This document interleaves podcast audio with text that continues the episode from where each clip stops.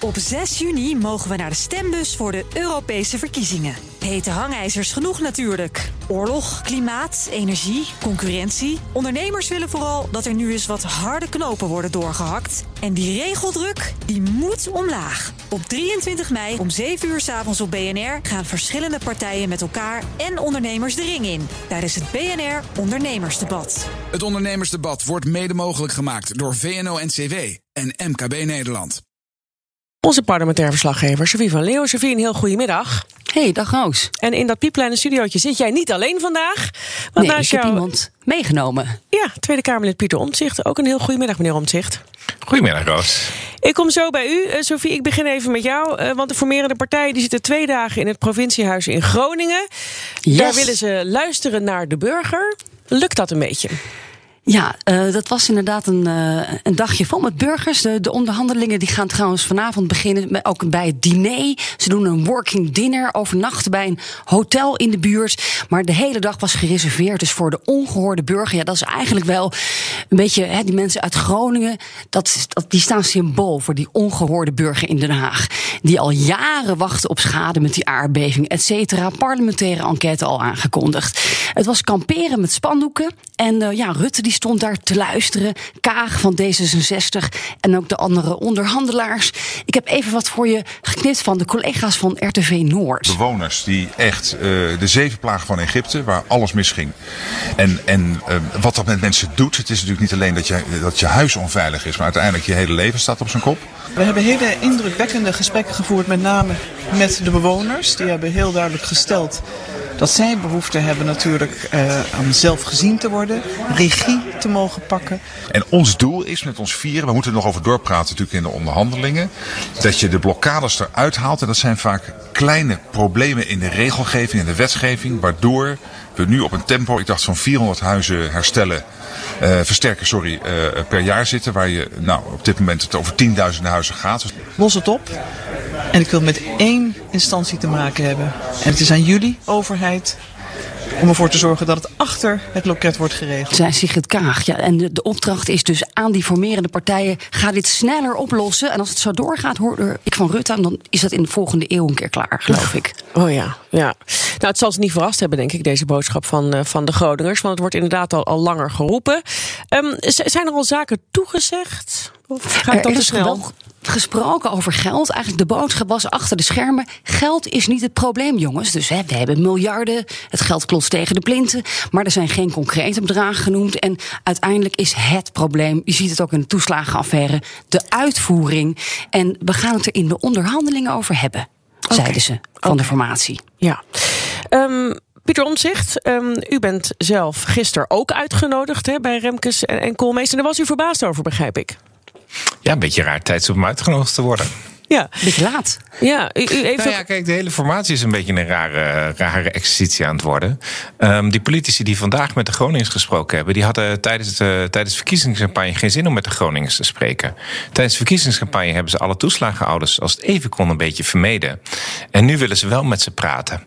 Maar voor de verkiezingen moet je plannen maken wat je ermee wil. En nu lijken ze dat ze na de verkiezingen plannen aan het maken zijn. Ja. ja nou, dat is ook bij deze formatie een beetje aan de hand. Um, uh, ik had verwacht dat ik natuurlijk uitgenodigd werd um, voordat ze zouden bepalen wie er aan tafel zou gaan zitten. Nou, was de kans niet zo groot dat ik aan tafel uitgenodigd zou worden. Ik bedoel, ik ben een, ben een eenpitter. Ik bedoel, ik kan ook tellen. Maar ja, de tijd nou, was wonderlijk. Liane Den Haan is ook uitgenodigd. Dat is uh, inmiddels ook een eenpitter. Dus wat dat betreft is het niet zo'n heel gek idee dat, dat nee, u die vraag stelt. Waarom, uh, u heeft een ja. brief geschreven ook, waarin u ook die vraag stelt. Van wat is nou het doel van dit gesprek eigenlijk? Ja. Heeft u daar een antwoord op gekregen inmiddels? Wat het doel nou was van dat gesprek met u? Nou, men wilde gewoon de zorgen kennen die ik uh, had. Nou, dat dacht ik, dat kan ik voor jullie opschrijven. Dus daarom heb ik een brief van 15 kantjes geschreven. Waarin ik haar fijn uitgezet heb waar, hoe we uit een aantal van de huidige crisis waar we in zitten kunnen komen. Ja. En het probleem in Europa met de euro, uh, hele hoge inflatie. Nou ja, je hebt vandaag het nieuws gezien. En uh, eigenlijk nog 0% rente, waardoor pensioenen uitgehold worden, uh, waardoor er grote transferunies transferunies ontstaan. Mm -hmm. Twee, we hebben natuurlijk een probleem met de rechtsstaat. Uh, we hebben dat bij toeslagen en bij Groningen gezien. Ja. Burgers hebben geen bescherming tegen de overheid. En nou, ik moet zeggen, dat wordt nog steeds maar zeer matig erkend in Den Haag. Ja, ze luisteren nu wel zeer begripvol, maar ze zetten nog steeds compensatieregelingen op die uh, kant nog wel raken. Ja. Drie, een wooncrisis die we eigenlijk ook niet aan het aanpakken zijn. En, en mm -hmm. vier, uh, bestaanszekerheid. Dat is een grondwettelijke opdracht. Maar een heleboel mensen die gewoon um, werken, die komen geen centimeter vooruit. Omdat ja. ze geen betaalbare woning kunnen vinden. Omdat ze geen vast arbeidscontract hebben. Omdat ze een hoge studieschuld hebben.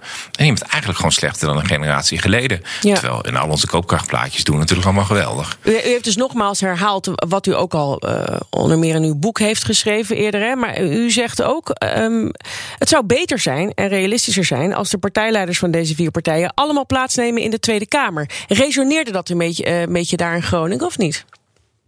Nou, ik zat niet in Groningen. Ik ben op bezoek geweest in het uh, logement. Het, oh, dat was het logement, logement okay. van Amsterdam ja. in, uh, aan het plein in Den Haag. Mm -hmm. um, uh, en ik sprak met uh, de twee uh, informateurs en niet met de partijleiders. Oh, die zaten er niet bij. Oké. Okay. Die zaten daar niet bij. Nee. En, um, nou, maar die hebben ondertussen al meerdere keren dit van mij gehoord en wat ze daarvan vinden.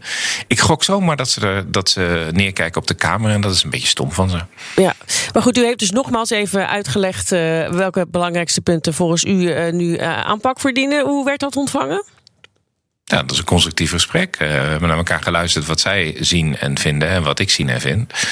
En uh, ja, de reden dat ik het op papier gezet heb, is juist dat de rest van de wereld daar ook kennis van kon nemen. Um, omdat ik vind dat in ieder geval het soort gesprekken dat ik daarvoor enigszins openbaar moeten zijn. Mm -hmm. Ik snap dat de huidige onderhandelingen dat die vertrouwelijk zijn, dat snap ik helemaal. Ik bedoel, op het moment dat je een deal aan het maken bent, moet je natuurlijk kunnen uitruilen. En nou, dan horen we wel aan het eind wat eruit komt. Maar ik probeer dat maar zo open mogelijk over te zijn. En um, als zij er wat mee doen, kijk, alle ideeën mogen ze van mij gratis overnemen. Maar even concreet, meneer Omzicht, waarom is het zo moeilijk om een loket te openen in Groningen? Want dat lijkt de hele tijd het probleem te zijn. Heeft u daar een oplossing voor? Ik heb over Groningen niet gesproken. Ik, en, of een loket voor toeslagenouders, om het dus gewoon te fixen al die problemen? Nou, de Belastingdienst heeft gelogen bij de rechter. De Belastingdienst heeft 9000 dossiers vernietigd. Um, heeft zijn ICT niet op orde. Um, heeft bij heel veel ouders eigenlijk... die hebben soms al vijf of zes keer het hele dossier opgestuurd... en het is nooit aangekomen. Iemand liep die poststukken te vernietigen. Maar u dus heeft er geen oplossing voor aangedragen bij de formatie? Van jongens, dit this is the way to go. Voor de compensatieregeling of voor uh, hoe de belastingen verder moeten? Voor de compensatieregeling um, uh, die zal men individuele dossiers moeten bestuderen. Men heeft uh, nu drie keer een fout gemaakt door een regeling af te kondigen. En de laatste regeling vorige week zelfs zonder uitvoeringstoets. Nou, wij denken dat de Belastingdienst zelf gezegd heeft... wij kunnen dit helemaal niet. Weer nog extra honderdduizend mensen gaan uh, uitbetalen. Dus de politiek neemt een besluit in het katshuis... zonder met de Belastingdienst te spreken... zonder een expert te laten kijken van kunnen we dit aan? Hebben we de informatie? Kunnen we die mensen uitkeren? En ja, dan doen ze weer een belofte die ze straks niet meer kunnen nakomen. Ik vind het bizar. En ja, op deze weg los je geen problemen op. En dat lijkt bij Groningen ook iedere keer gebeurd te zijn. Belofte op belofte of belofte. En het gevolg daarvan is dat een aantal mensen volledig overgecompenseerd worden. Want als je één keer in de regelingen valt, dan krijg je best veel geld. Eh, ook als je relatief weinig schade hebt. En dat er een behoorlijk aantal mensen die heel veel schade hebben jaar in jaar uit een jaar langer moeten wachten. En hun leven staat, net zoals bij die Groningers, volledig on hold. Ja. Als je kleine schade hebt, weet je dan ook met een huis, ja, dan is dat heel vervelend. Maar dan kan dat gerepareerd worden. En is het een week later, dan is het een week later. Weet je, dat is al niet spannend. Maar als je echt grote scheuren in je muur hebt, of echt in de schuldhulpverlening zit, of uit huis gezet bent, ja, dan staat je leven helemaal stil. Ja. En ja, het lukt, de, de, het lukt deze regering maar niet om eerst eerlijk te zeggen wat er gebeurd is. En daarna um, beginnen met oplossen. En omdat ze eerst de waarheid niet op tafel willen leggen. Hè, van hoeveel schade is er nou? Ja, krijg je dus ook de compensatie niet goed. Ja, over die waarheid gesproken, ik maak even een bruggetje naar het volgende onderwerp, want daar hebben we het vandaag ook uitgebreid over. Is die parlementaire enquête die er moet komen naar de aanpak van de coronacrisis. Uh, Sophie, die komt er dus definitief, hè? Ja, de Tweede Kamer zet het zwaarste middel in. Uh, de, de, aanpak van het kabinet van de pandemie. Dus de afgelopen anderhalf jaar, al binnenkort twee jaar. Wat is daar fout gegaan? En wat kunnen we daarvan leren? En zo verdeeld als die Kamer gisteren was, weet je nog, met de QR-code. Mm -hmm. Zijn ze het vandaag unaniem eens. Er moet een parlementaire enquête komen. En dat hoor je van de Kamervoorzitter Vera Bergkamp. De motie Aukje de Vries CS over een parlementaire enquête naar de aanpak van de coronapandemie. Wie is voor deze motie? SP, GroenLinks, Bijeen, Volt, Denk, Partij van de Arbeid, Partij voor de Dieren, Fractie in Den Haan, D66, ChristenUnie, VVD, SGP, Omzicht, CDA, Ja21, PVV, Vorm van Democratie en Groep van Haga met algemene stemmen aangenomen. En dan hebben we dus drie enquêtes, denk ik, hè, meneer Omtzigt. Dus we hebben uh, toeslagen, we hebben Groningen... en dan krijgen we dan misschien in 2023 daar de coronacrisis ook nog bij. Ik denk dat het spannend wordt. Dan zien we misschien onder Ede Hugo de Jonge, Mark Rutte, Jaap van Dissel. Misschien komt Siewert nog wel langs, maar alles op tafel over de aanpak van de pandemie. Ja. Ja, um, ik had daar twee bedenkingen bij. Uh, ik had liever een uh, enquête gehad, de ofwel uh, de Verenigde Vergadering der Staten-Generaal, ofwel de Eerste Kamer omdat in de aanpak van de coronacrisis ook de Tweede Kamer onderdeel was van die coronacrisis. Het aantal debatten dat wij gevoerd hebben was schier eindeloos. En gisteren was weer zo'n voor, voorbeeld. En uh, de Tweede Kamer is niet altijd heel goed in zelfreflectie. Dus ik had het ook wel op een iets grotere afstand willen plaatsen. De Eerste oh ja. Kamer had die afstand. Ja. Heb ik hier meerdere keer gezegd. Maar goed, als iedereen zegt we gaan het in de Tweede Kamer, dan doen we dat. Maar wat is de belangrijkste vraag voor u? Of onder de omstandigheden die er waren en de onzekerheid die je had, hè, zoals Mark Rutte zei, we weten maar 50% en moeten 100% van de besluiten nemen. Hè, want achteraf kunnen we altijd nog zeggen, ja, het was beter geweest met de kennis van nu. Dus, of er een uh, redelijk beleid gevoerd is. En um, of die crisisorganisatie deugt. En ja, daar zijn wel wat uh, twijfels ja. uh, bij te zetten. Maar meneer Omtzigt, denkt u dat de Kamer um, in staat is om drie van die hele grote enquêtes tegelijkertijd te doen en dan ook nog aan de taak te voldoen om het kabinet te controleren? Nee. Waarom nee, is er dan toch voor gekozen probleem. om deze drie tegelijkertijd te doen?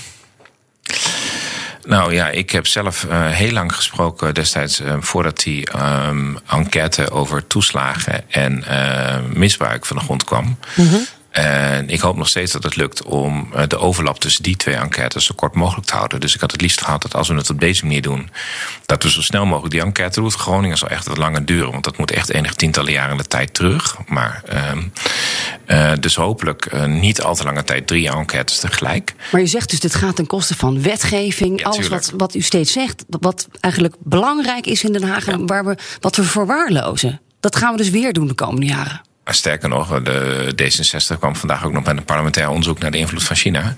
He, een parlementaire ondervraging, dat zou ook nog een jaartje zijn.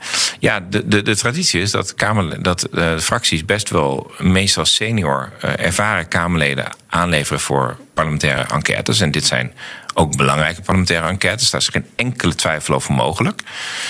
En um, nou ja, dan haal je dus 25 goede Kamerleden en waarschijnlijk ook nog een hele hoop goede staf die eraan toegevoegd wordt. Die haal je ja. uit het parlementaire proces. Dat toch al met 19 fracties, daar ben ik medeschuldig aan, komt u maar op.